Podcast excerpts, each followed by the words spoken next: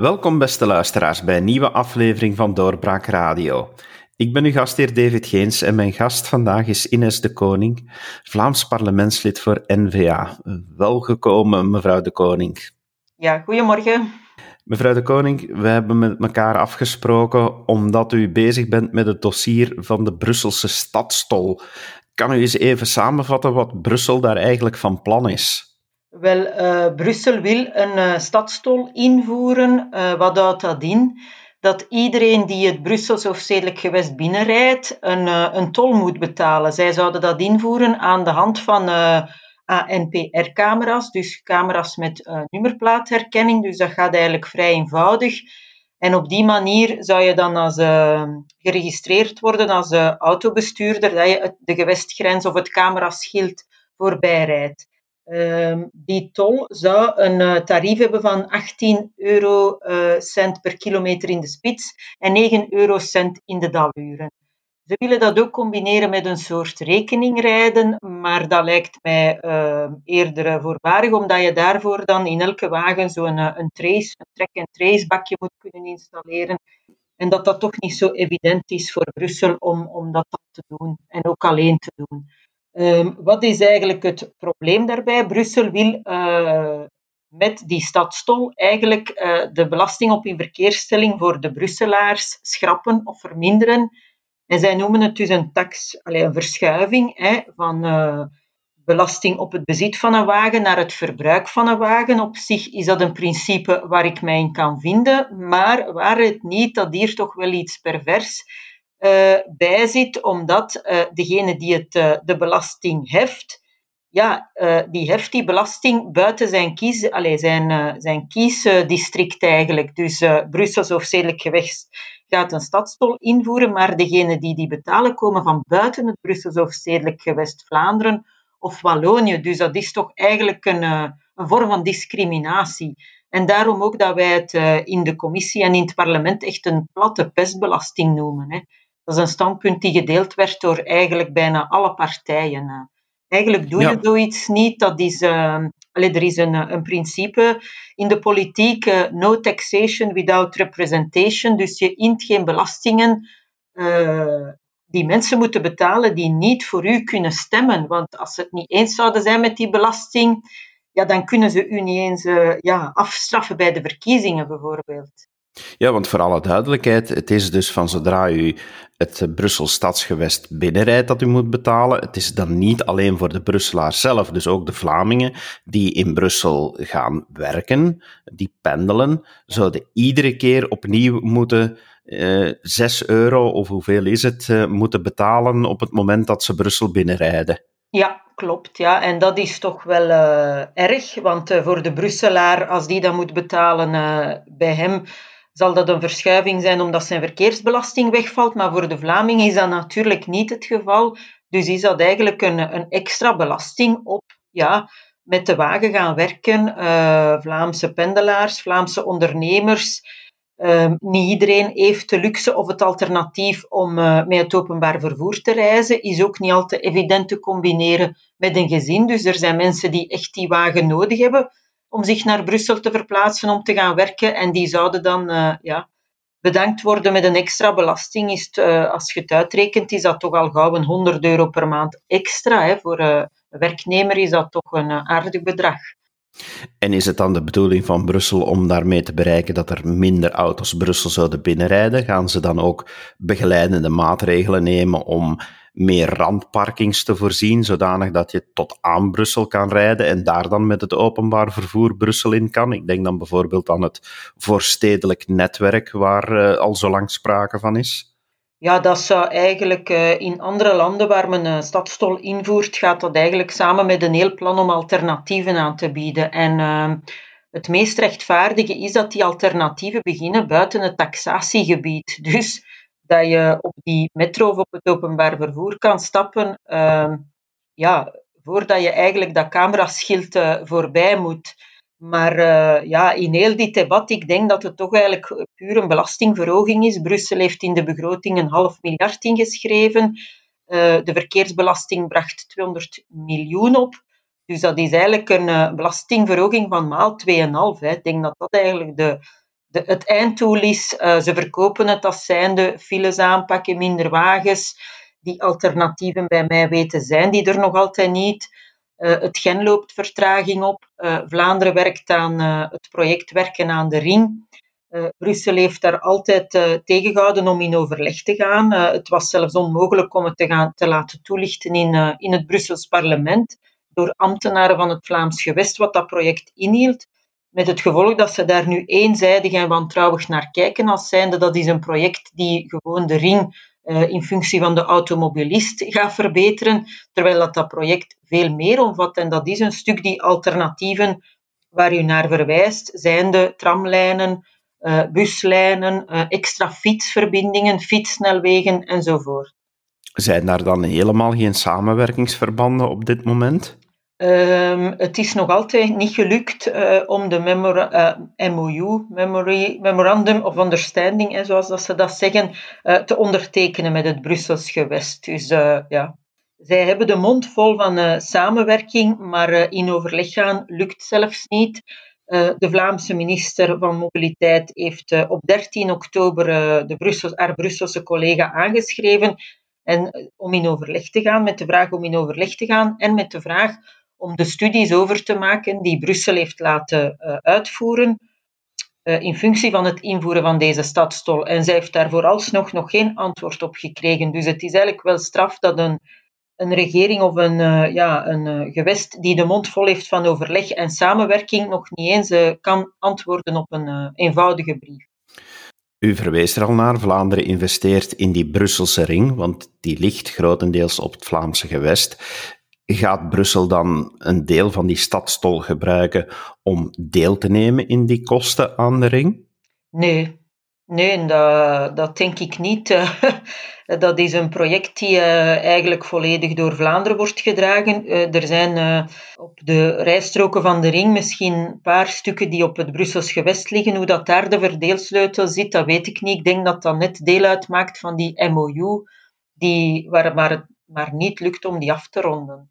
De Vlaamse pendelaar, ja, die gaat hierdoor benadeeld worden, uiteraard, want die gaat moeten, die gaat moeten uh, meer betalen en uh, ja, die gaat er minder door krijgen. En ik heb de indruk dat dat toch al niet de eerste keer is dat de Vlaamse pendelaar wordt getroffen, want uh, er zijn toch nogal gevallen dat Brussel maatregelen heeft genomen die een weerslag hebben op de Vlaamse pendelaar, zonder daar overleg te plegen. Hebt u daar nog voorbeelden van? Ja, klopt. Uh, in het uh, in, uh, GPDO, Gewestplan Duurzame Ontwikkeling van Brussels of Stedelijk Gewest, hebben zij ook allerlei plannen om de stadsboulevards, noemen zij dat zo, de invalswegen naar Brussel, zoals vanuit de E40 vanuit Leuven, te gaan omvormen tot een stadsboulevard, zijnde een uh, boulevard voor groen en langzaam verkeer, terwijl dat, dat toch een uh, invalsweg is waar veel pendelaars Brussel langs binnenkomen, uh, en ook dat plan, ja, dat strookt toch niet echt met. Uh, allez, met uh, er is ook geen overleg over geweest of niks. Dus ja, het is een eenzijdige beslissing van Brussel. Ik heb eigenlijk in meerdere dossiers altijd het gevoel dat Brussel een soort eilandcultuur heeft. Dus zij wanen zich op een eiland en zij voeren eigen beleid. Ze zijn ook oververtegenwoordigd in mijn ogen, wat een beetje dat tot gevolg heeft. Dus je ziet dat nu in die plannen van die stadstop maar evenzeer in die geluidsnormen die zij opleggen rond de luchthaven van Zaventem, waardoor dat, de, ja, dat zij geluidsboetes kunnen innen uh, voor vliegtuigen die eigenlijk de routes volgen die de federale overheid, die bevoegd is, opleggen. Uh, ja.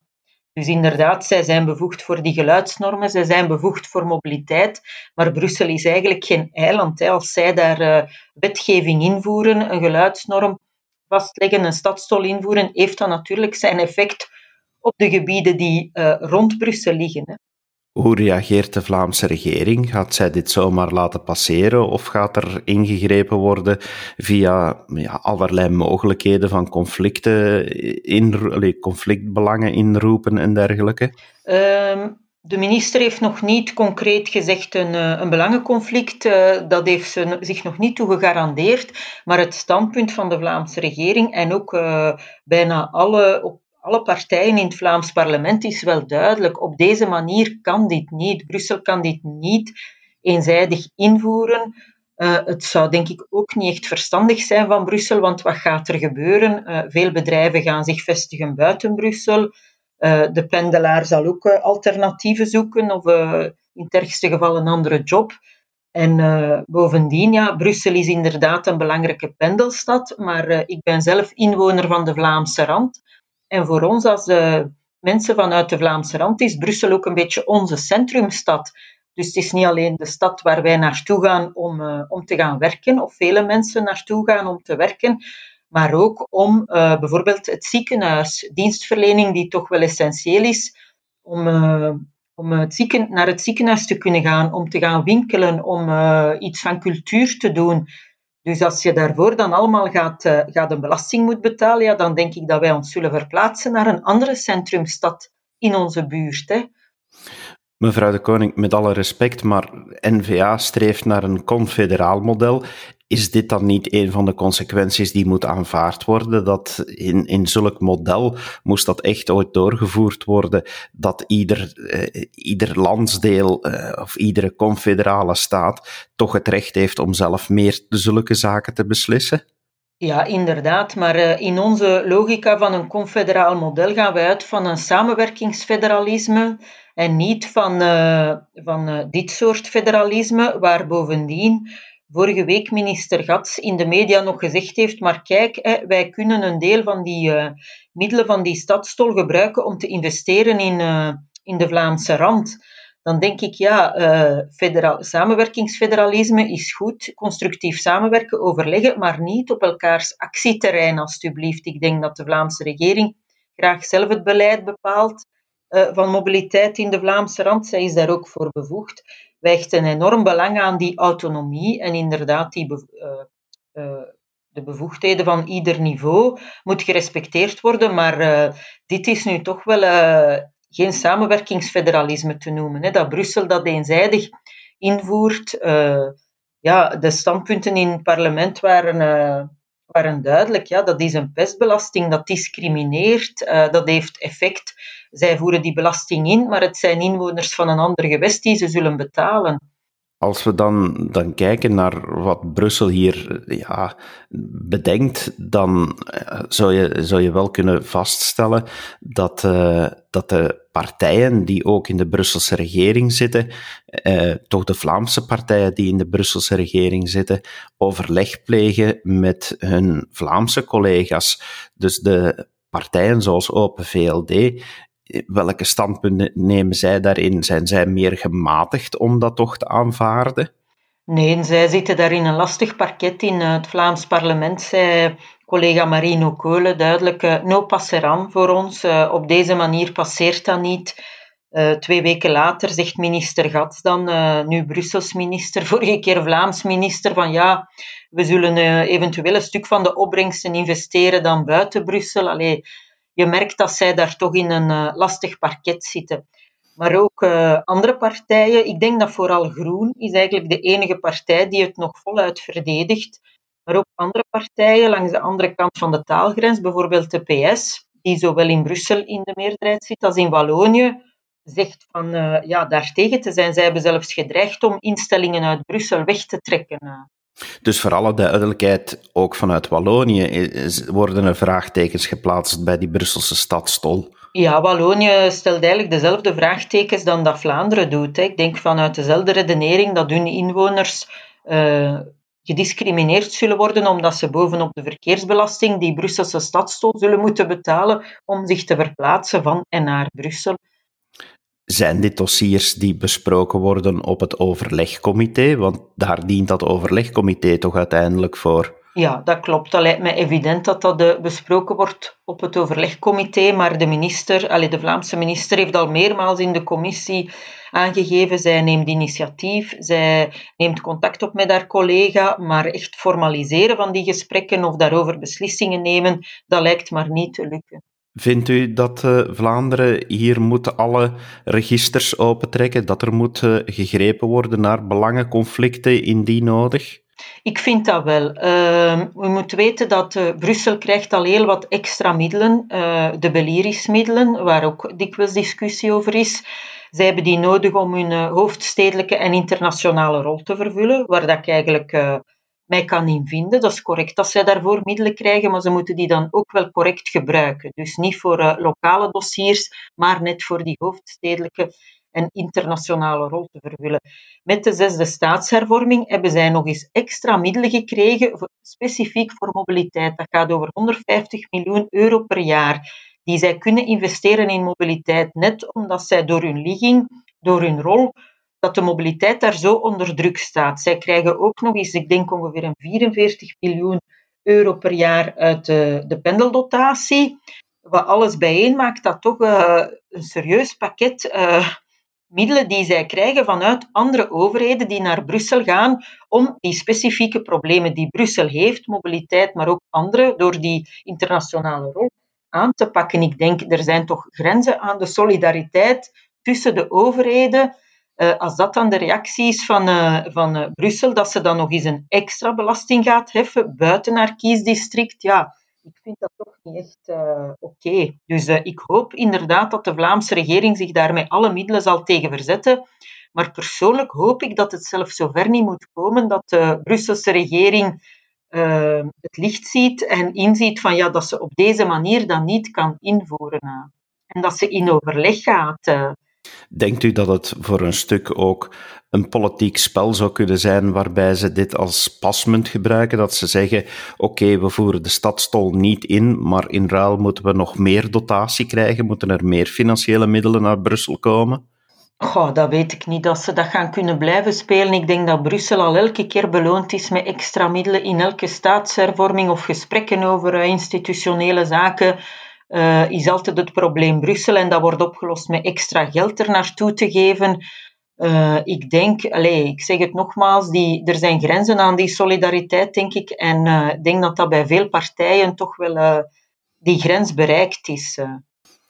Mevrouw De Koning, dank u wel dat u dat, dit dossier hebt willen toelichten in onze podcast. Graag gedaan, ik vond het zeer aangenaam. Dank u en u, beste luisteraar. Hopelijk hebt u weer wat bijgeleerd en luistert u zeker ook naar onze andere podcasts. Graag tot een volgende keer. Dag. Dit was een episode van Doorbraak Radio, de podcast van doorbraak.be. Volg onze podcast op doorbraak.be/radio of via Apple Podcasts, Overcast of Spotify. Bezoek ook onze website op doorbraak.be en steun ons door een vriend te worden van Doorbraak.